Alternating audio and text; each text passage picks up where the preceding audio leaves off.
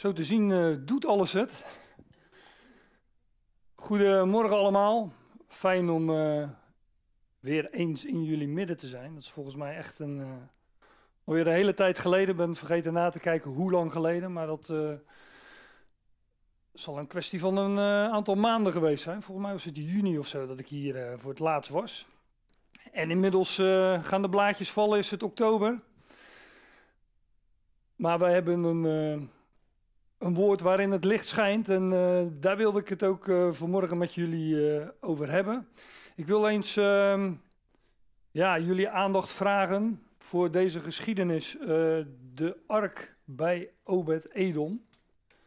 En ehm, ik weet niet of iedereen deze geschiedenis kent. Het is een geschiedenis die we vinden in het Oude Testament. 2 Samuel 6 onder andere. Ook nog op een andere plek, dat laat ik straks even zien. Um, en deze geschiedenis, die. Uh, ja, ik weet, ik weet eigenlijk niet of het een bekende geschiedenis is. Ik, uh, ik, ken, ik kende hem zelf wel, maar ik, uh, ik heb vroeger op een, uh, op een, een goede christelijke school gezeten. Daar stond op de gevel school met den Bijbel. En um, ja, daar kreeg ik dus elke dag, elke ochtend als eerste een Bijbelverhaal uh, te horen.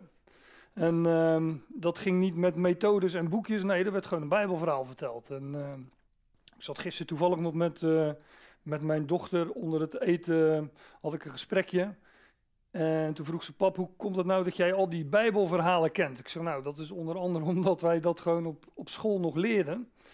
Ik zeg, en daarnaast ging ik op zondag ook nog naar de zondagschool. En uh, dat vond ik toen geen zaak van vreugde. Want ik kan me nog herinneren dat bijvoorbeeld mijn, uh, mijn oom en uh, tante en neefjes en nichtjes op bezoek kwamen. En dat ik dan ja, afdroop naar de zondagschool. dus ik vond dat toen geen, geen zaak van vreugde, maar ik heb daar nu veel profijt van. Want ja, waar ik ze precies geleerd heb, ik weet het niet meer. En ik kan me van die zondagschool ook niet zo heel veel meer herinneren. Maar um, ja, ik ken toch aardig wat van die, van die verhalen. En dat is uh, altijd prettig. Maar waar ik, ik, kijk, ik wil natuurlijk deze ochtend niet alleen maar het verhaal laten zien, het verhaal vertellen, maar ook de diepere betekenissen van zo'n geschiedenis uh, eens laten zien. Dus laten we aan de slag gaan en de koe, of de os in dit geval, bij de horens vatten. En wat ik wil doen, ik wil de geschiedenis eerst even lezen. Het zijn uh, slechts elf versen. Dus dat, uh, dat valt wel mee. En dat is dan met name voor degenen die de geschiedenis niet kennen en voor degenen die hem wel kennen. We frissen het geheugen even op. Ik lees hem voor in de herziene statenvertaling. En die druk ik dan uh, ook af. Daarna verzamelde David opnieuw de beste van alle mannen in Israël, 30.000. David stond op en ging op weg met al het volk dat bij hem was, vanuit Baalim, Juda, om vandaar de ark van God op te halen. De ark waarbij de naam wordt aangeroepen, de naam van de Heere van de legermachten die daarop troont, tussen de gerubs. Zij vervoerden de ark van God op een nieuwe wagen. Ze haalden hem uit het huis van Abinadab, dat op de heuvel lag, en Uzza en Ahio, zonen van Abinadab, leidden de, de nieuwe wagen. Zij haalden de wagen uit het huis van Abinadab dat op de heuvel lag met de ark van God en Ahio liep voor de ark uit. En nu is er iets in mijn uh, beeldscherm wat ik even weg moet klikken, anders wordt het lastig voorlezen. Moet ik elke keer naar het scherm gaan draaien. David en het hele huis van Israël huppelden voor het aangezicht van de Heer. Met allerlei muziekinstrumenten van cipressenhout, met harpen, met luiten, met tamboerijnen, met rinkelbellen en met cymbalen. Maar toen zij bij de dorsvloer van Nagon kwamen, strekte Uzza zijn hand uit naar de ark van God en greep die, omdat de runderen struikelden. Toen ontbrandde de toorn van de Heere tegen Uzza. En God strafte hem daar om deze onbedachtzaamheid. En hij stierf daar bij de ark van God. David ontstak in woede omdat de Heer Uzza een zware slag had toegebracht. En hij noemde die plaats Peretz Uzza tot op deze dag. David was op die dag bevreesd voor de Heer en hij zei: hoe moet de ark van de Heer bij mij komen? David wilde de ark van de Heer niet bij zich laten komen in de stad van David, maar David liet hem uitwijken naar het huis van Obed-Edom, de Getiet. Zo bleef de ark van de Heer in het huis van Obed-Edom, de Getiet, drie maanden lang en de Heer zegende Obed-Edom en heel zijn huis. Ja, dit is dus uh, de geschiedenis die ik wil bespreken. In eerste instantie dacht ik, het zijn maar elf versen, daar ben ik zo doorheen. Maar um, daar zitten toch wel wat details in. En uh, op sommige details zal ik wat dieper ingaan, maar sommige moet ik echt laten liggen, omdat ik uh, ja, toch ook wel het idee heb dat ik hier nog wel aan een bepaalde tijd uh, gebonden ben. En jullie vanmiddag wellicht ook nog andere dingen te doen hebben. Dus eerst even um, deze geschiedenis, die vinden we dus in 2 Samuel 6. Dat is het gedeelte wat ik zojuist gelezen heb. En je vindt hem in uh, 1 Kronieken 13, een parallel gedeelte. Um, om deze geschiedenis te kunnen duiden, moeten we ook iets weten over het voorgaande. En dan gaan we ook meteen uh, de diepte in. Want voorafgaand um, zien we dat David koning wordt. In zijn, uh, hij wordt koning in zijn dertigste levensjaar. En ja, David, dat heeft denk ik nauwelijks uh, uitleg nodig. Maar David is een type, een beeld van de zoon van David. Hè, de, de, de Messias die voort zou komen uit die dynastie, uit, dat, uh, uit die familie, uit dat koningshuis van David. En David wordt, dat is opmerkelijk, hier wordt koning in zijn dertigste levensjaar. Is dat ook niet het jaar waarin de Heer zijn openbare optreden begon, hè, op zijn dertigste? Nou, dat zijn allemaal van die uh, parallellen. David verovert Jebus op de Jebusieten. En hij noemt de stad Jebus, geeft hij een nieuwe naam. Hij noemt die stad Jeruzalem. Jeruzalem betekent zoiets als stichting van vrede. En Jeruzalem is daarmee een type van het koninkrijk van de Messias. Het, is ook, het wordt ook genoemd de stad van de grote koning. In, uh, ik denk dat het 2 Samuel 5 is, het uh, direct voorgaande. David noemt hem ook uh, de stad Davids. En in het Matthäus-evangelie, wat, wat gaat over de komst van de Messias als koning, daar wordt uh, Jeruzalem de stad van de grote koning genoemd. In de toekomst zal ook de, de Heer Jezus Christus, de Messias, plaatsnemen, letterlijk op de troon in Jeruzalem. En van, uh, van daaruit zal hij zijn, uh, zijn koninkrijk regeren. En vandaar dat het ook de stad is van de grote koning. Nou, die, die stad is dan ook een uitbeelding van dat komende koninkrijk. En als wij het over uh, de Nederlandse overheid hebben, dan wordt, dan wordt dat ook gewoon in Den Haag. Nou, straks zal het zijn in Jeruzalem. Hè? En dan, uh, ja, het is een beetje een banale vergelijking natuurlijk, want dat koninkrijk wat straks gevestigd zal worden, dat, uh, uh, dat is onvergelijkbaar met wat we, wat, wat, wat, we hier allemaal zien. Het zal een, dat zal, de Messias zal regeren in gerechtigheid. En dat zal hij doen vanuit de troon van Jeruzalem. En we, dat, dat koninkrijk zal vanaf die plek uitgebreid worden. Hè. is een opwekkingslied dat zegt: Vanaf de troon vestigt de zoon zijn heerschappij. En die heerschappij zal wereldwijd worden. Ja, ik heb hier gezegd: het is een uitbeelding van het koninkrijk. En dan tussen aanhalingstekens het vrederijk. Omdat. Uh, omdat die term, die kennen wij allemaal wel. Is volgens mij een, uh, het duizendjarig rijk of het duizendjarig vrederijk. Volgens mij is het een, uh, een term die uh, Johannes de Heer heeft bedacht, of in ieder geval in gebruik genomen. Het is geen term die je rechtstreeks in de schrift vindt, maar we, ja, we weten wel wat ermee bedoeld wordt. Vanaf in, in dat koninkrijk zal, ja, daar zal vrede zijn.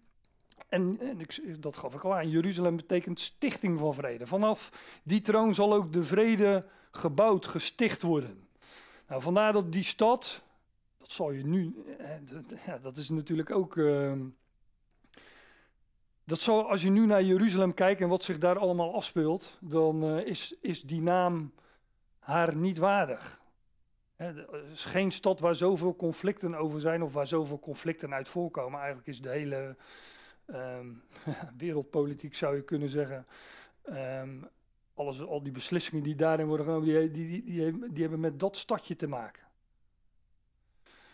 Maar dat zal in de toekomst uh, zal dat veranderen. En, maar daarmee is Jeruzalem uh, een, uh, een, uitbeelding van dat koninkrijk. En uh, ik heb die dan maar even genoemd ook dat vrederijk. Hè, Jeruzalem, stichting van vrede. Nou, David is een type van de zoon van David.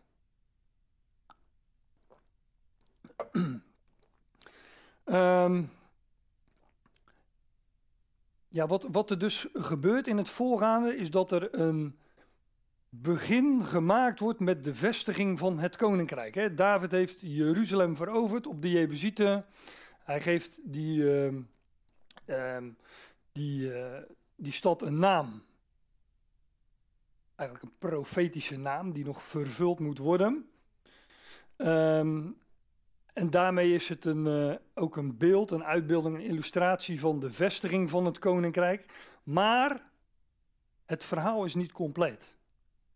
Want het allerheiligste symbool van Israëls eredienst, de ark, de ark van het verbond, die ontbreekt nog. En in deze hoofdstukken, in dit hoofdstuk 2 Samuel 6, daar vind je dat de ark uiteindelijk terechtkomt in Jeruzalem. De versen 12 tot en met het einde van het hoofdstuk heb ik niet gelezen, maar daar komt de ark pas daadwerkelijk in Jeruzalem terecht. Als ik hier nu, uh, volgens mij duurt het weer een tijdje voordat ik hier ben, maar als ik hier volgende week of op korte termijn had gesproken, dan had ik, die, uh, dan had ik in mijn volgende spreekbeurt uh, die geschiedenis wel verder besproken. Misschien doe ik dat ook wel, volgens mij is dat in, uh, in december. En dan fris ik jullie geheugen gewoon weer op en dan gaan we wellicht verder waar we gebleven zijn als mijn geheugen me niet in de steek laat en ik dat kan onthouden tot die tijd. Maar voor nu wil ik alleen deze versen bespreken. En dat kan ook wel, want um, ja, dat zei ik al, de voltooiing, dus die ark komt pas daadwerkelijk terecht in Jeruzalem. En dan is het plaatje compleet. Uh, in 2 Samuel 6, vers 12 tot 23. Dus het vervolg van de geschiedenis die ik nu gelezen heb. Daarmee zie je dat er een een gat ontstaat. En dat heb ik, uh, ja, dat zie je ook in mijn dia. En de geschiedenis in 2 Samuel 6, vers 1 tot 11, is dan ook een onderbreking. Nou, voor sommige mensen zou ik nu een punt kunnen zetten, kunnen zeggen: Amen, we gaan nu een lied zingen, want die weten nu wat, wat ik ga vertellen. Als het gaat om een onderbreking, een pauze, een scheur. Maar laten we toch maar die versen gaan bespreken. Dan, uh, maar ik heb in ieder geval um, um, vooral al, uh, al wat uh, hints gegeven. We gaan gewoon even die versen langs, vers voor vers. Soms even wat inzoomen op zinsdelen of woorden. En de, nou ja, we hebben de versie zojuist gelezen. Daarna verzamelde David opnieuw, hij heeft dat dus eerder gedaan in het voorgaande, de, de beste van alle mannen in Israël, 30.000. David stond op en ging op weg met al het volk dat bij hem was vanuit Baalim Juda. En Baalim uh, Juda of Baalim Jehuda, dat uh, is hetzelfde plaatsje als uh, Kiriat Jearim. En dat vind je in het parallelgedeelte in uh, 1 Kronieken 13. En op de kaart ziet dat er zo uit dat uh, Baala wordt het ook wel eens genoemd, maar Baalim uh, Juda, Jehuda, dat lag dus uh, nou, tamelijk dicht bij Jeruzalem. En de bedoeling is dat de optocht dus naar Jeruzalem gaat. Hè? David stond op. David stond op. David staat op. Dat is al iets. Ik, ik, weet niet hoe jullie de Bijbel lezen, maar ik heb ik, ik, ik, sta er meteen aan. Als ik, uh, als, ik, als ik lees dat iemand opstaat, denk ik van oké, ik, ik, ken er nog één met een hoofdletter die is opgestaan. Je ziet het ook vaak in, bijvoorbeeld in de geschiedenissen van Jozua. Jozua stond op. Maar dan, als je dat uh, anders zou zeggen, dan zou je gewoon kunnen zeggen Joshua of Jezus staat op. Want Jozua en Jezus, dat zijn uh, exact dezelfde namen. Dus eh, deze geschiedenis heeft iets met de opstanding van David te maken. Nee, sterker nog, met de opstanding van de zoon van David. David stond op en ging op weg met al het volk dat bij hem was vanuit Baalim, Juda. Ja, hij, hij, hij, daar, heb ik niet eens over nagedacht in de voorbereiding, maar ik zie het nu uh, op hij, hij stond op en hij vertrok. Hij ging bij Juda vandaan. Bij het Joodse volk vandaan zou je kunnen zeggen. Is dat niet de tijd waarin wij leven? Waarbij na de opstanding van Christus, waarbij, nou ja, daar gaat, waarbij redding naar de natie is gegaan en Israël, Juda terzijde is gesteld? Nou, daar gaat deze geschiedenis dus over. Dus laten we verder lezen. Om vandaar de ark van God op te halen. De ark waarbij de naam wordt aangeroepen. De naam van de Heere van de legermachten. Die daarop troont tussen de gerubs.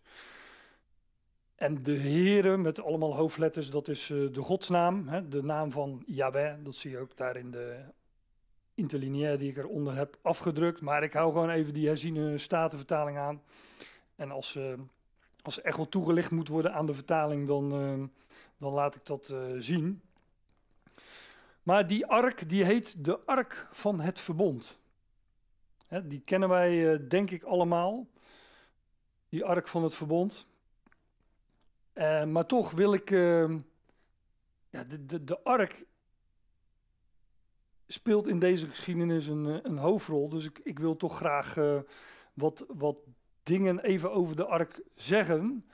En dat, ja, dat, dat moet ik heel beperkt doen, want als we daar, als, als we het over die ark zouden gaan hebben, dan, nou, dan kunnen jullie mij het hele jaar elke zondag op de agenda zetten. En dan, en, en, dan overdrijf ik niet, want ik, we zouden al kunnen, we zouden natuurlijk beginnen bij hoe die ark gemaakt is en de afmetingen van die ark, maar ook waar die ark stond. Maar wat we nu bijvoorbeeld doen, is een geschiedenis Ehm, kijk, die ark stond in, in, in die tent, in die tabernakel en later in de tempel. Maar we vinden ook allerlei geschiedenissen waarbij die ark een hoofdrol speelt. En je zou een hele reis kunnen maken door de Bijbel heen achter die ark aan. En uh, ik zal er zo nog wel een paar noemen. Maar die ark stond dus in die, uh, in die tabernakel. En de tabernakel is die tent die Israël mee, uh, meenam op reis door de woestijn. En bij elke standplaats werd die en werd hij weer neergezet en weer afgebroken als men verder ging. Het was een, een portable, een mobiele tempel eigenlijk. Het, het, heiligdom van Israël. En die ark stond daar um, in, in dat allerheiligste vertrek. Het heilige der heiligen, die, die um, kan ik dat aanwijzen? Nee, dat gaat niet. Maar uh, dat, dat tentje wat je daar in het midden ziet, um, stonden, die, kijk, die, die tabernakel stond in het midden van het volk Israël. En al die stammen waren rondom de ark, uh, rondom de tabernakel gegroepeerd. Dat, dat, dat, dat was ook niet um, willekeurig. Daar waren voorschriften voor en elke stam had zijn eigen uh, locatie. Dus dat werd allemaal heel gestructureerd en ordelijk neergezet. Maar de tabernakel stond dus in het midden van het volk. Maar daar weer uh, in het midden had je dus die tent met die twee vertrekken. Ja, dat zie je niet op dit plaatje. Ik heb straks nog wel een plaatje waar je ziet dat er twee vertrekken zijn. Maar uh, als je die uh, tent binnenliep, kwam je eerst op zo'n binnenplaats. Daar stond een brandofferaltaar en een wasvat. Maar als je dan de tent binnenging, wat het normale volk niet mocht, maar wel de priesters, dan kwam je in het heilige der heiligen. En daar stonden ook weer een drietal attributen. Een kandelaar, een reukofferaltaar en de tafel met de toonbroden.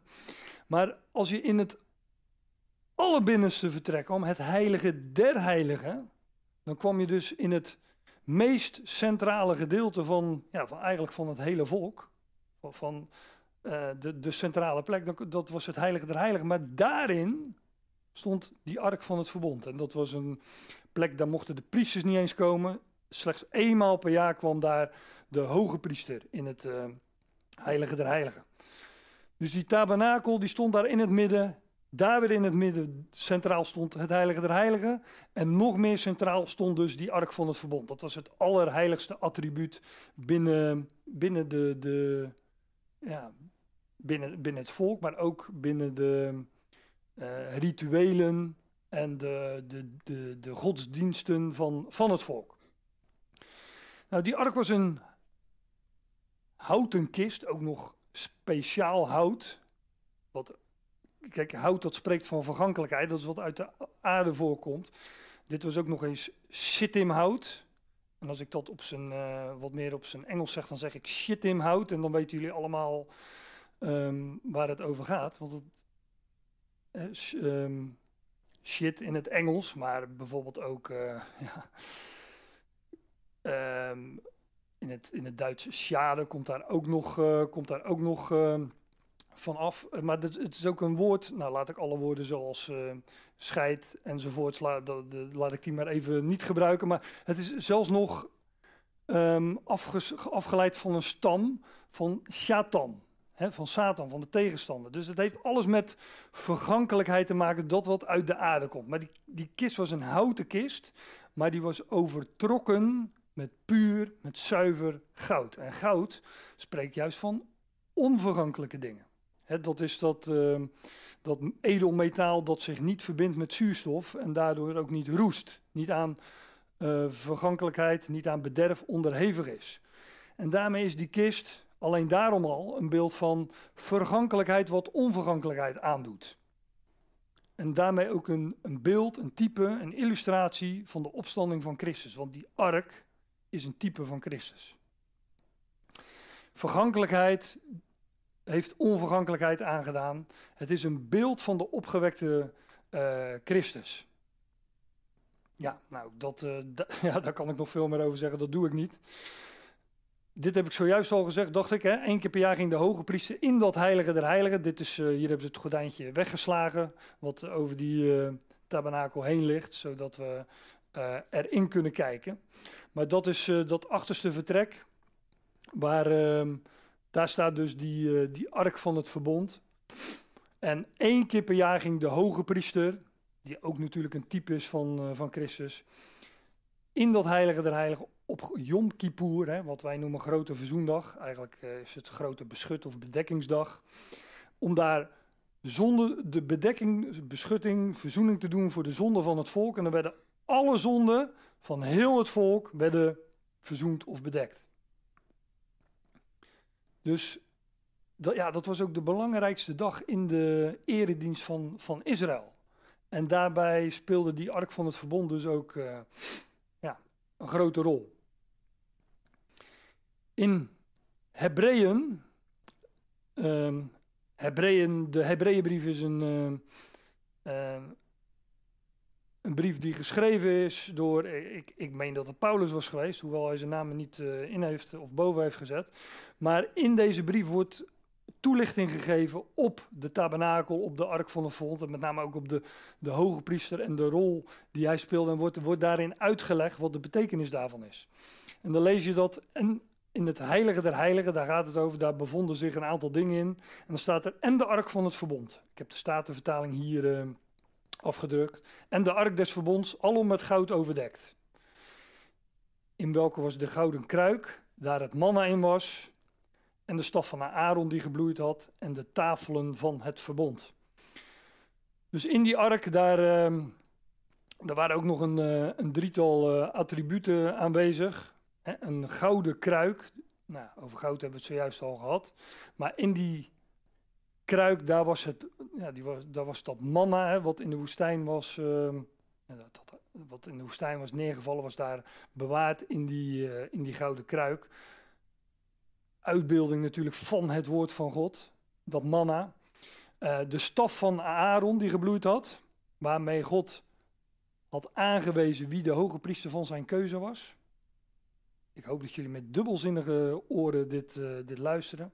En er was een, ehm, een soort van opstand onder Israël. Van ja, um, wie zegt nu dat uh, deze Aaron, die de hoge priester is, dat dat ook de hoge priester moet zijn? Nou, zei God, dan, ik, ik zal, zei, dat sprak God tot Mozes, ik zal aanwijzen wie de hoge priester van mijn keuze is. Leg van elke uh, stam, stamoudste de staf, hè, een dode stok, neer in het heilige der heiligen voor die ark van het verbond. En ik zal je morgenochtend laten zien wie, wie de hoge priester van mijn keuze is. Want morgenochtend, nou, de volgende ochtend kwamen zij daar. En er was er één staf die gebloeid had. Die bloeide. En dat was de staf van Aaron. En die dode staf was tot leven gewekt. Die had bladeren, bloesem en daar zelfs was uh, vrucht aangekomen. Natuurlijk een, ook weer een beeld van de op, opstanding van Christus. Net als een staf sowieso, want daar sta je mee. Daar sta je mee op. En daar blijf je ook nog eens mee staan. En de tafelen van het verbond, hè, dat is waar uh, die tablets, waar uh, de woorden Gods op waren geschreven. Dat bevond zich dus in, uh, in die ark. is even de vraag of die staf en die, die, die, ehm, die kruik dus zich ook daadwerkelijk daarin bevonden of daarvoor. Heeft nog wat met, met, met vertalingen te maken. Maar in ieder geval bevonden zich ook die, ja, die woorden Gods die bevonden zich in die ark. En die, die ark is een type van Christus. En daarmee, um, als zich de woorden God, hè, de, die, die tien geboden zoals wij ze dan vaak noemen, als, die bevonden zich dus in het binnenste van de ark van het verbond als uitbeelding van het geloof van Christus. En boven over deze ark waren de cherubijnen, de gerubs der heerlijkheid. En we zagen zojuist die gerubs, een soort uh, ja, engelachtige wezens, die daar boven waren uh, afgebeeld. En uh, ja, de schrijver van de Hebreeënbrief zegt, ja, daar zullen we nu van stuk, tot, van stuk tot stuk maar niet over spreken, want daar valt heel veel over te zeggen. En dat ga ik nu dus ook niet doen. Maar we zagen net in dit vers dat David stond op, ging op weg met het volk dat bij hem was vanuit Baalim Juda, om vandaar de ark van God op te halen. Nou, we weten nu wat die ark uh, is, in vogelvlucht, wat het, uit, wat het uitbeeldt, een type van de opgewekte Christus, waarbij de naam wordt aangeroepen, de naam van de Heere der Heere Scharen, de naam van Jahweh van de legermachten, die daarop troont, tussen de gerubs. Dus de, uh, dat ja, dat, dat is ook weer een attribuut van de ark, dat deksel. Dat verzoendeksel, wordt dat genoemd. Dat daar bovenop die ark zit, waar die gerubs op staan. Dat is dus een beeld van de troon van God. Want Jawel van de legermachten, die troont daarop tussen de gerubs. Dus die, dat verzoendeksel, dat, dat is dus een beeld van de troon van God. En dat is natuurlijk ook de, de plaats waar de opgewekte Christus zich bevindt. Aan Gods rechterhand op de troon. Nou, de opgewekte, troon, de opgewekte Christus zittend op de troon in de hemel. In Hebreeën wordt dat dan ook weer genoemd de troon van de genade. De troon der genade. Want hij is daar gezeten in, in rust en in onze tijd, um, ja, sommigen zeggen God bestaat niet, want hij is dood, want hij laat niet van zich horen. Hè? Nee, maar de Paulus leert in zijn brieven dat dat is omdat Paulus was het evangelie van de genade van God toevertrouwd. En uh, God bemoeit zich dus niet openlijk met deze wereld. Hij heeft zich teruggetrokken, heeft zich, de, heeft zich verborgen. En daarom is het ook uh, een, een, een, troon van genade. En willen we meer over die genade weten, ja, dan moeten we bij uh, de apostel Paulus uh, terecht. Maar daar is dus die, ja, daar is die ark een, ark een beeld van. En al die verschillende aspecten ook nog eens van die ark. En dan heb ik het nog niet eens over de draagstokken en de, en, en de ringen en uh, de hoogte en de afmetingen van, uh, van die ark. Maar daar gaan we het nu ook niet over hebben. Maar ik hoop dat dit voor, uh, voor nu even voldoende is om in ieder geval te beseffen van ja, wat, wat is dat die ark? En wat, als David die dan op gaat halen, waar, waar hebben we het dan over? Zij vervoerden de ark van God op een nieuwe wagen. Ze haalden hem uit het huis van Abinadab dat op de heuvel lag. En Uzza en Ahio, of Achio, zonen van Abinadab, leiden de nieuwe wagen.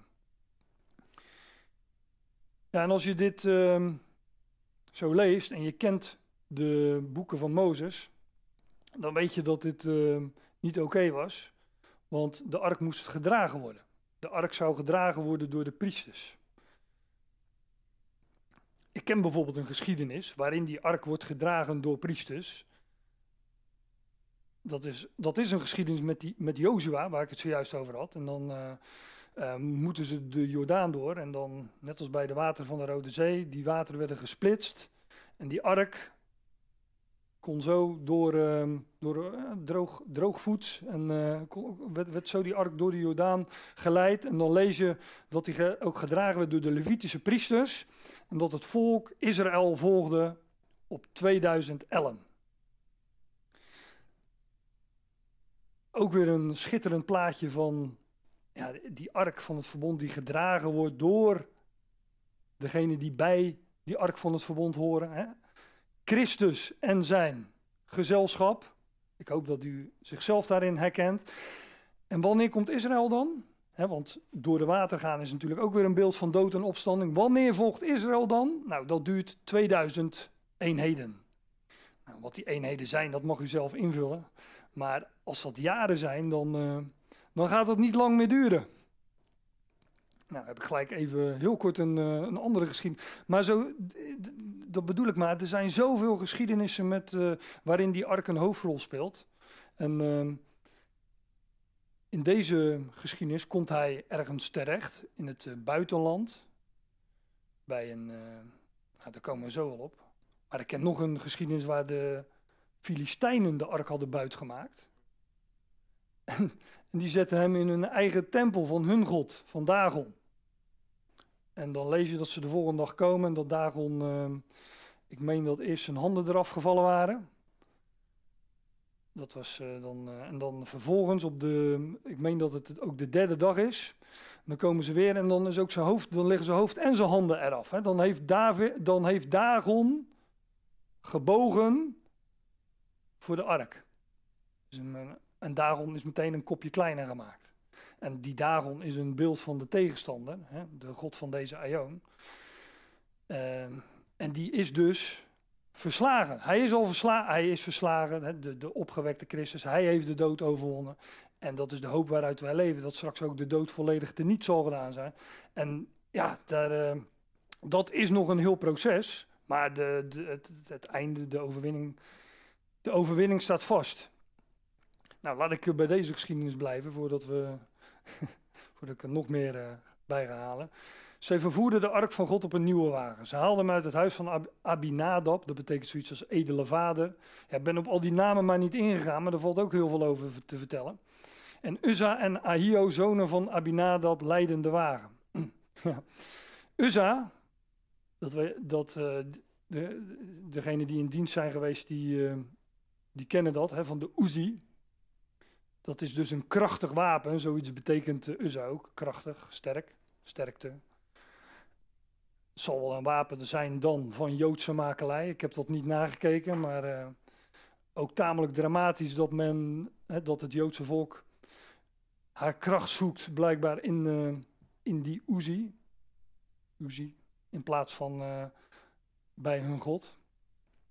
En Ahio of Agio betekent zoiets, dat is, uh, dat broer. Maar ja, dat begrijp, dat begrijp, dus hier hebben we de vader en uh, de vader en twee zonen. Nou, de ene zoon verdwijnt, zeg ik nu even voor de fijnproevers.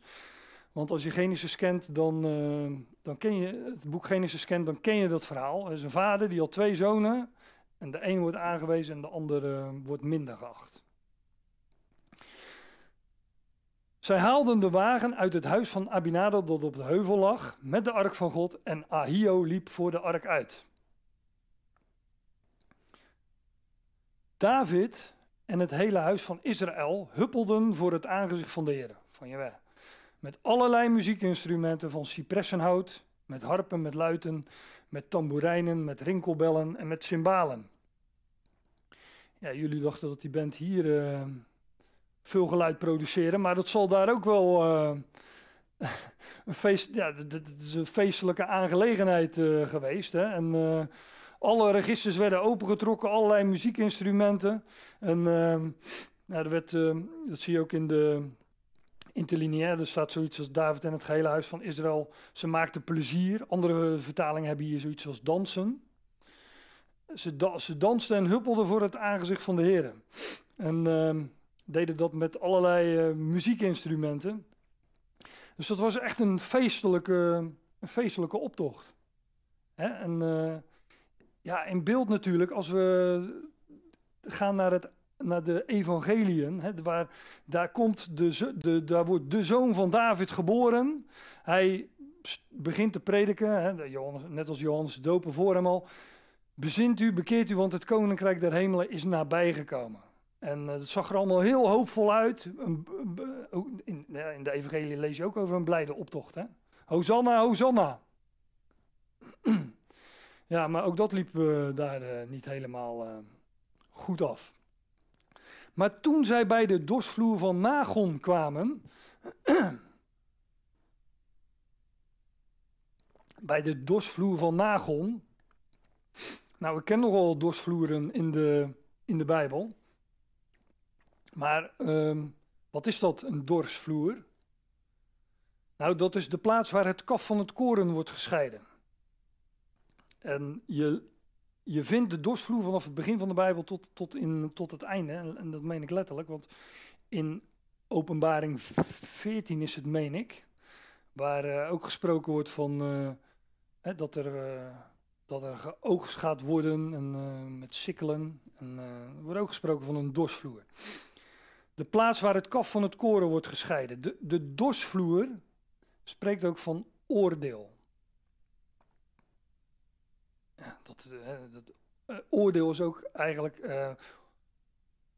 onderscheiden. Hè? Wanneer je oordeelt, dan wordt er onderscheid gemaakt. En nou ja, het kaf van het koren scheiden is ook onderscheid maken. En op de dorsvloer van, dat is misschien wel de bekendste, van Arauna of van Arnoen, dat hangt van de vertaling af, daar bouwde David een altaar. Dat is dus in ditzelfde boek, 2 Samuel, alleen eh, volgens mij is het helemaal in het laatste hoofdstuk, 2 Samuel uh, 24. Daar bouwt David een altaar op de dorsvloer van Arauna. En David was, wilde graag een tempel bouwen, hè, want uh, die tabernakel bestond inmiddels uh, ook niet meer. En David zei, ja, maar nu heb ik een huis en, en voor God is er eigenlijk geen plek. Toen zei God, nou dat kennen, weten we allemaal, David mocht die tempel niet bouwen, dat zou de zoon van David doen. Salomo ook, die naam heeft ook weer iets te maken met het stichten van vrede, hè? Shalom, Salomo. Maar de zoon van David, Salomo, Shalom, die zou dus die, uh, die tempel bouwen. En dat lees je dus in 2 Koningen Kronieken 3. Maar dat was op, de, op exact diezelfde plek. Dus de tempel is gebouwd op een dorsvloer. En ook die tempel is ja, dat, dat ook, ook natuurlijk een uitbeelding van het koninkrijk. En die, eh, de komst van het koninkrijk, ja, die zal ook gepaard gaan met oordeel. God gaat de dingen recht zetten. Alles wat krom is, beginnend bij Israël, maar dan um, van, ja, vanaf de troon vestigt de zoon zijn heerschappij. Van, van, eerst Israël en dan vervolgens zal het koninkrijk gebouwd worden over de hele wereld. Maar dat zal gepaard gaan met oordelen. En dat ja, dat is eigenlijk waar het boek Openbaring over gaat. Hè. Zegels, bazuinen, schalen, die allemaal oordelen inhouden. Dus dat, als, als, als het gaat over een dorsvloer, ja, dan gaat het dus daarover. Over oordeel, maar ook over de komst van het koninkrijk. Nou, dat hadden we wel. David had, zijn, had Jeruzalem veroverd op de Jebusieten. Hè, als uitbeelding van uh, een, een begin makend met dat koninkrijk, maar het was niet compleet. Die ark moest daar nog komen. Nou, dan komen ze bij de dorsvloer van Nagon. En Uzza, toen ze bij de dorsvloer van Nagon kwamen, strekte Uzza zijn hand uit naar de ark van God en greep die. Omdat de runderen struikelden. Letterlijk staat hier omdat de ossen struikelden. En dat is een, uh, een belangrijk verschil. En daarom heb ik het er ook even bij gezet. Want wat is nou precies een os? Een os is een, uh, het is een rund, alleen hij is uh, gecastreerd. Onvruchtbaar moet onvruchtbaar zijn natuurlijk.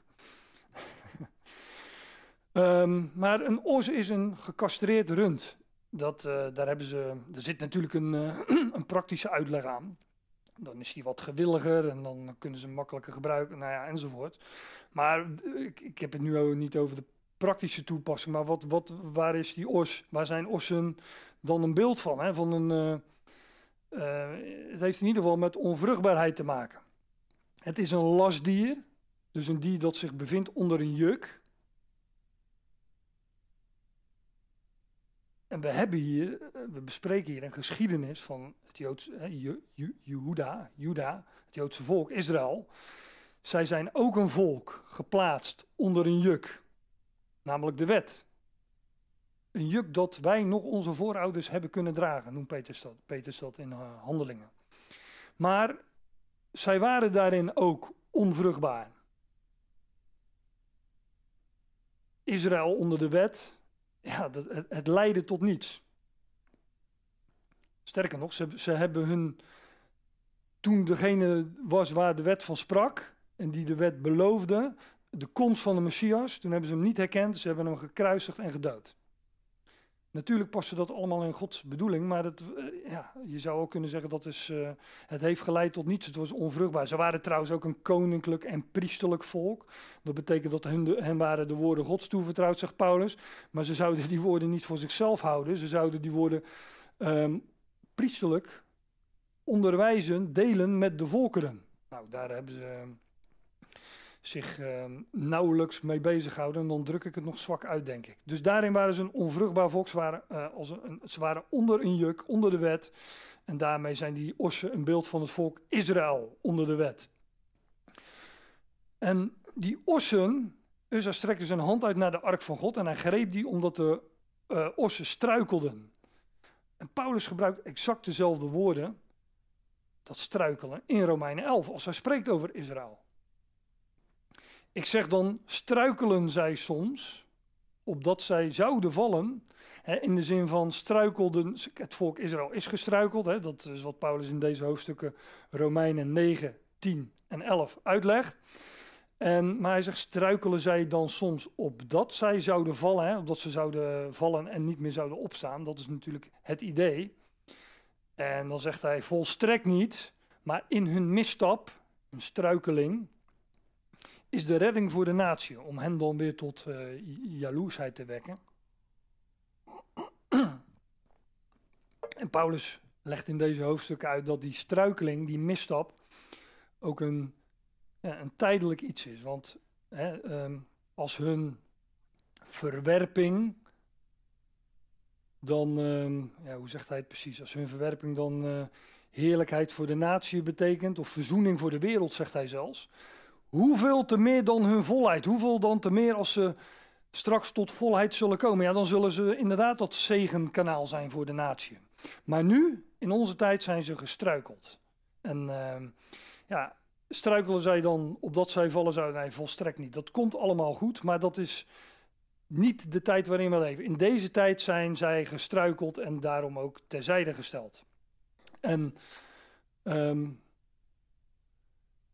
daar zijn dus die struikelende ossen, de weg naar het koninkrijk, ehm, de, de ark die in Jeruzalem zou aankomen, die wordt onderbroken door de struikeling van de ossen. En dat wordt, uh, daarmee wordt de struikeling van Israël, uh, die Paulus beschrijft in Romeinen 11, wordt hier in 2 Samuel 6 uitgebeeld. Toen ontbrandde de toorn van de Heer tegen Uzza en God strafte hem om deze onbedachtzaamheid. En hij stierf daar bij de ark van God. Ja, dit, uh, dit, dit is nogal een, eh, een vertaalkwestie wat hier staat. Toen ontbrandde de toren van de heren. Dit, uh, dit woord wat, hier, wat je hier in de interlineaire, in, daaronder in de interlineaire ook ziet met boosheid van, hè, de toorn van. Dat wordt op andere plaatsen gewoon vertaald met aangezicht wat, uh, wat vertaaltechnische kwestie waar ik uh, maar niet diep op wil ingaan. Maar ik noem, ik noem het dan toch maar voor degenen die dat eens willen nakijken. Maar um, dat, en dat andere woord, hè, hij is heet of ontbranden, staat gewoon letterlijk toen verhitte het aangezicht van Jaweh. En uh, ik heb begrepen dat het Hebreeuws niet zo um, heel specifiek is in het aanduiden van emoties, zoals wij dat wel doen. En ja, als je geëmotioneerd bent, en dat kan, uh, dat kan van alles zijn, dat het eerste wat je ervaart is dat je een, uh, een, een, verhit gezicht krijgt. Een, een rode kop, zouden wij wellicht zeggen. Die krijg ik wel eens namelijk. Maar dat kan van blijdschap zijn, maar ook van schaamte of, of van boosheid. Zei, zojuist vertelde ik wat over mijn kinderen. Nou, die, soms heb je zo'n een vredig gesprek, zoals ik met mijn dochter had. Maar het is ook al eens ja, ik krijg er ook wel eens een, een, verhit gezicht van, om het zo te zeggen. Maar dus die, die, dat is wel, ehm, het is een, in ieder geval een heftige emotie. En hoe, wat dat dan is, ja, dat, dat hebben de vertalers hier dan ingevuld. Maar het is maar zeer de vraag of we dat ook zo moeten interpreteren. In ieder geval zo is het dat in het volgende vers um, wordt het ook genoemd, maar dan van David. Maar daar kom ik straks dan wel op. En God, ja, God straft hem. Letterlijk staat er, hij sloeg hem neer. Um, vanwege om deze onachtzaamheid of onbedachtzaamheid. En deze Uza, die Uzi is een beeld van Israël, ook van, ook van Israël. Uh, en daarvan lees je ook dat het volk handelde in onwetendheid. Hè? Het was een onbedachtzaamheid. Kijk, ik weet wel dat, zo, heb, zo heb ik het, uh, dat herinner ik me in ieder geval nog wel van die uh, school met een Bijbel of de zondagschool. Daar werd natuurlijk wel een, ook een, een ethische uitleg aangegeven. Ja, hij mocht die ark niet tegenhouden en daarom viel hij dood neer. Ja, ik denk dan altijd, wat had hij dan moeten doen? Had hij mocht hij wel te pletten laten vallen? Mocht dat wel? Het was het meest heilige van de, de, de, de, de cultus, de eredienst van Israël. Die, die, die ark. En die ark die, die, die stond op het punt van die kar te, te, te, te vallen. Netjes zeggen natuurlijk. en, en, en, en die man houdt hem tegen. Ja, dat mag niet. Ja, nee, maar mag hij wel te pletten laten vallen, zodat het ding in duizend stukken ligt? Mocht dat wel? Ik bedoel, eh, ethisch kom je daar niet uit volgens mij, tenminste ik niet. Dus, uh, maar ja, en, wat, wat is dat nou, een onbedachtzaamheid? Ik, uh, een, een, reflex. Ja, Hadden wij niet hetzelfde gedaan als we daar stonden? Ik, ik, denk het wel. Dat is gewoon een onbedachtzaamheid, een reflectie. Je doet iets zonder daarover na te denken. Maar hij stierf daar in ieder geval. Dat is wat we, wat we vinden. En uh, ja, dat is natuurlijk ook wat, uh, wat we van het Joodse volk terugvinden in de profetie. Hè? En het is een, uh, met, een andere, met een ander beeld. Het is, wat is Israël momenteel? Het is een dal van door de doodsbeenderen. Wat gaat er met die beenderen gebeuren? vroeg God naar, tegen Ezekiel, Ezekiel 37. Ja, ik weet het niet, zeg u het maar. Nou, maar dan zie je wat er gebeurt. Dan komt er, uh, komen er spieren, vlees en, enzovoorts op. Hè? En, en, uiteindelijk komt daar ook geest in. Allemaal een, een, uitbeelding van hoe Israël in de toekomst tot leven komt. Maar, maar wat is het nu? Dood. En het zal, het zal dat, dat zegt ook de profetie, het zal opgewekt worden uit de graven. Nou, hier stierf het. Hè, in beeld, in Uzza. God strafte hem of sloeg hem neer om deze onbedachtzaamheid en hij stierf daar bij de ark van God. Ik wil dus wegblijven uit die ethische uitleg. Ik wil gewoon de, de, de, laten zien wat het uitbeeldt.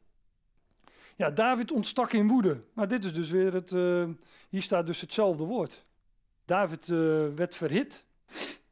Ja, was hij boos? Was hij, uh, misschien was hij wel boos op zichzelf of, of, of Um, hij was degene die, die, die, die, die ark op een kar had laten plaatsen namelijk. Dus uiteindelijk uh, had hij de regie.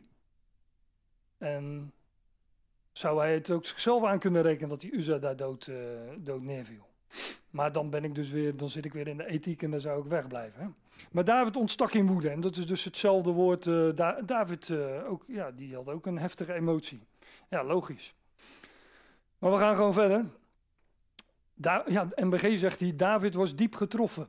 Hè, om even aan te geven hoe men uh, maar willekeurig ook vertaalt.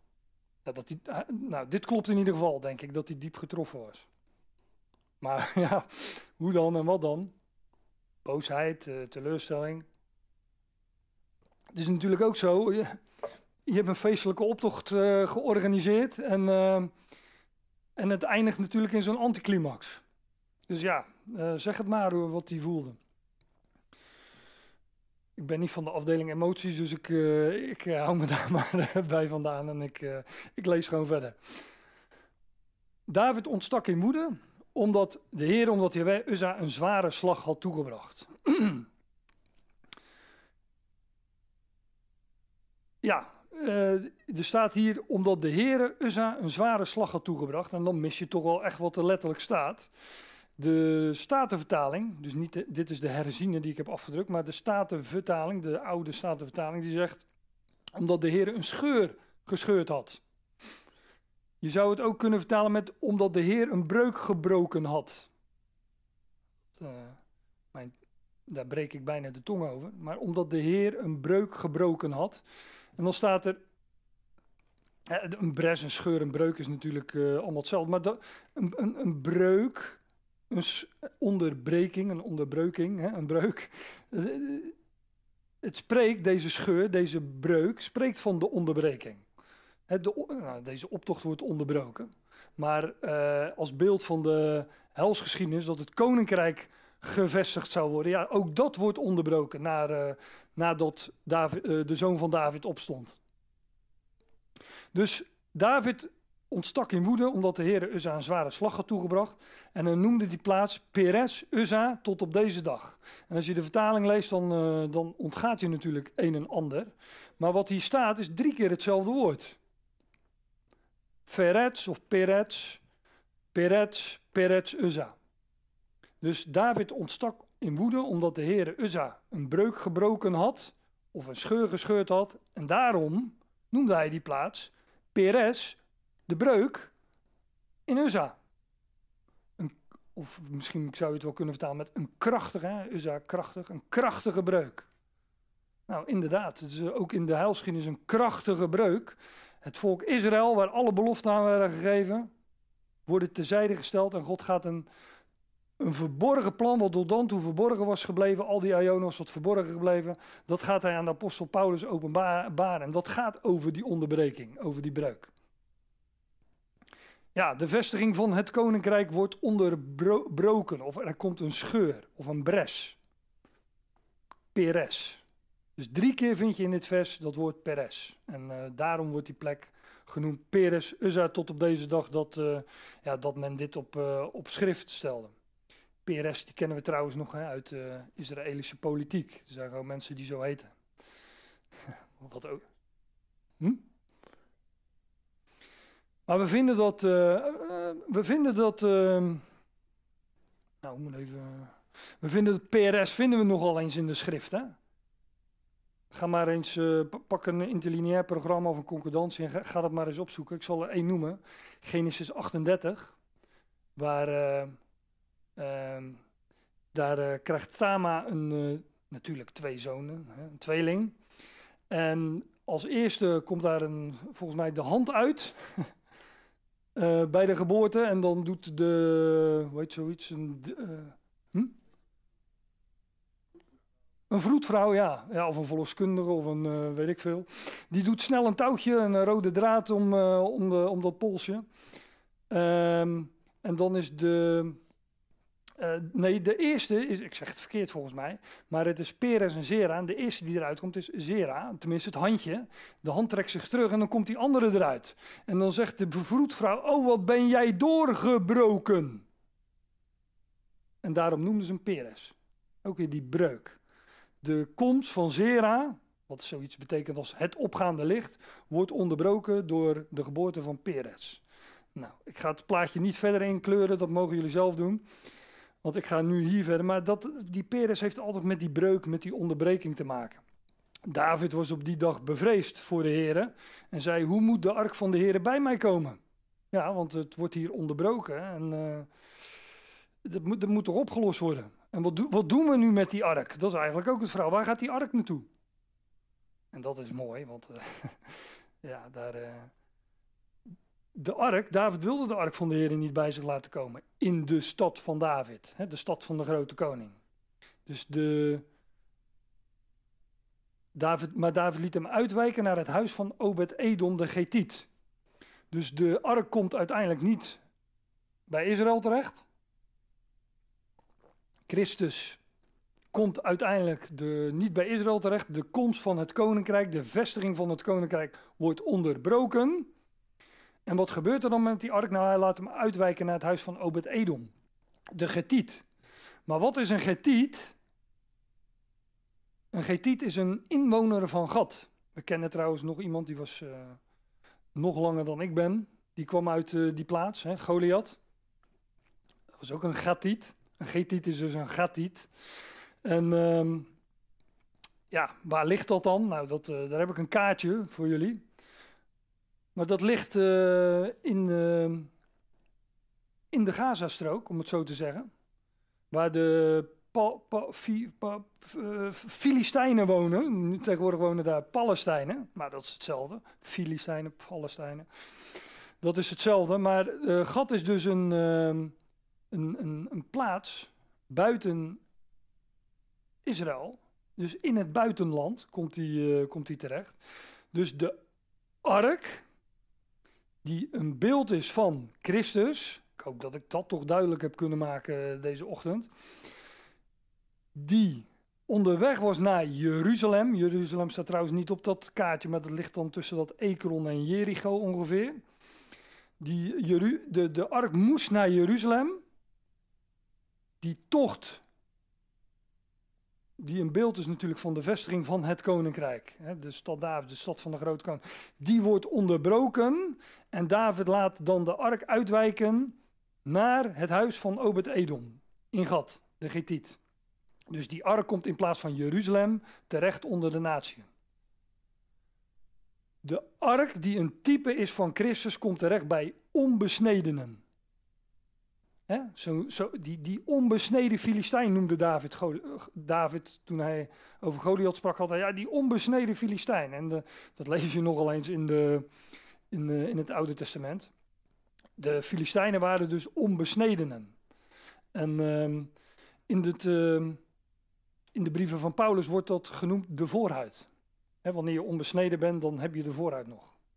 Ja, dat hoef ik niet uit te leggen, toch? En wanneer je besneden bent, heb je de voorhuid dus niet meer. Dus dat noemt Paulus in dezelfde schriftgedeelte de besnijdenis. Maar de voorhuid dus als technische term voor de natieën. En die staan dus ook in deze geschiedenis van deze onbesneden Filistijn. Deze onbesneden Filistijn en zijn huis staat model voor de natie. En de ark, die een beeld is van Christus, komt dus terecht bij de voorhuid, namelijk bij de natieën. Christus onder jullie natieën, noemt, zegt uh, Paulus in Colossense 1 vers 22. De ark onder jullie, huis van Obed-Edom, in God.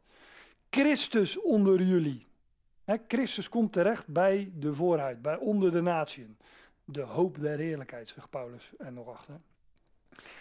En daar is deze geschiedenis een, uh, een uitbeelding van. Hoe Christus in plaats van in Jeruzalem bij het Joodse volk terechtkomt onder de natie. Nou, dat laatste vers nog even. Zo bleef de ark van de Heer in het huis van Obed-Edom, de Getiet, drie maanden lang. En de Heer zegende Obed-Edom en heel zijn huis. Ja. Drie maanden, ja, nou ik zei net al van pak eens een concordantie. Doe dat ook maar met die drie maanden. Je hebt tegenwoordig uh, van die handige websites waar je dat heel makkelijk op kon zoeken. Ik heb, uh, maar drie maanden spreekt altijd van een tussenperiode, hè? Een, uh, een, onderbreking. Er zijn bijvoorbeeld heel wat koningen die, uh, die een hele korte periode geregeerd hebben. In de geschiedenis van, van Israël. Dat noemen wij dan in het management een interimperiode. een tussentijd. Er komt even een interim. Nou, dit is, die drie maanden spreken ook van een, uh, een tussentijd. Vaak um, gaat het ook weer over verborgenheid. Hè? Ta Tamo bijvoorbeeld, waarover ik zojuist sprak, Peres en Sera, bleef drie maanden, zijn, haar zwangerschap bleef drie maanden verborgen. Dan zeggen jullie natuurlijk, ja, maar nou, dat is ook altijd zo. Na een maand of drie begin je het pas te zien. Ja, dat zal dan wel, maar... maar het wordt, niet, het wordt niet voor niks genoemd natuurlijk. Het bleef drie maanden verborgen. Mozes werd ook drie maanden verborgen. Nou, enzovoorts, enzovoorts. Maria bleef bijvoorbeeld drie maanden bij Elisabeth voordat zij weer terugging uh, naar uh, haar man. Enzovoorts, enzovoort. Maar het spreekt ook die drie maanden. Hè, Christus, uh, de ark in het huis van Obed-Edom, bleef daar drie maanden. Is een type van onze tijd. Een tussenperiode, een interimperiode waarbij Christus onder de natieën verblijft. Bij de voorhuid en daar ook verborgen is. En wat gebeurt er dan onder de natieën? Nou, daar, uh, daar uh, waar, waar, de ark is, nou, daar ervaren zij Gods zegen. Hè? De Heer zegende Obed-Edom en heel zijn huis. Ik zou nog naar Efeze 2 kunnen gaan, waar, uh, waar dat ook genoemd wordt. Ik heb het nu alleen maar afgedrukt. Maar um, Paulus heeft het in Efeze 2 over een, een, een woonstede. Ja, dat is dan statenvertaling. Daar ben ik een beetje mee uh, uh, opgegroeid in mijn geestelijke leven dan, zeg maar. Dus een woonstede gods in de geest. een geestelijke woonplaats van God. Er is nu geen zichtbare tempel. Wat is nu, wat is nu Gods tempel? Nou, die is, dat zegt Paulus in Efeze 2, dat, dat, dat zijn jullie. Of weten jullie niet dat jullie een tempel van, uh, hoe staat het? Dat is niet in Efeze, maar in Korinthe, tempel van de Heilige Geest zijn. Maar in, in, in, in Efeze 2 wordt gesproken van een heilige tempel, een woonplaats van God. Ja, geestelijk, dus niet zienlijk. Dus de Ecclesia, het lichaam van Christus waarover het in Efeze 2 gaat, dat is één metafoor, hè, dat lichaam, maar is ook een heilige tempel, een woonplaats van God in de geest. Hij woont nu in de gelovigen, Christus onder de natieën. Ja, en tenslotte dan, uh, voor degenen die, die van schemaatjes houden.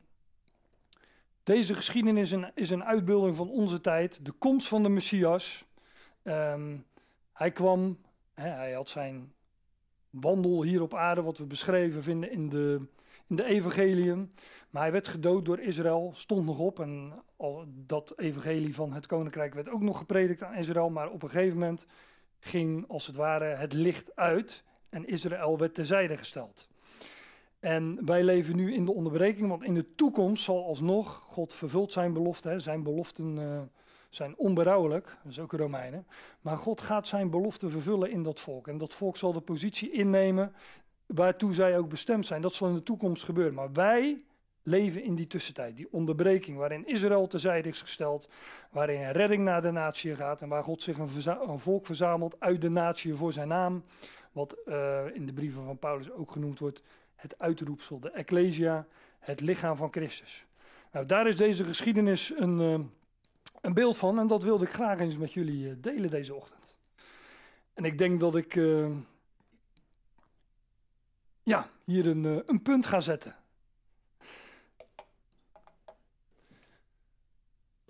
Dus hier laten we het bij uh, voor vanmorgen. En ik kijk even naar uh, Jonathan, wat zijn plannen waren voor het vervolg. Gaan wij nog een, een lied zingen?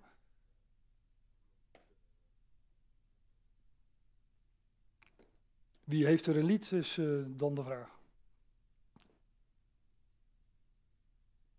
Niet allemaal tegelijk natuurlijk. ik niet, maar als de, als de Dat is een, uh, in ieder geval een mooie tekst. Ik ken het lied niet, maar dat geldt voor de, de meeste liederen. Dus.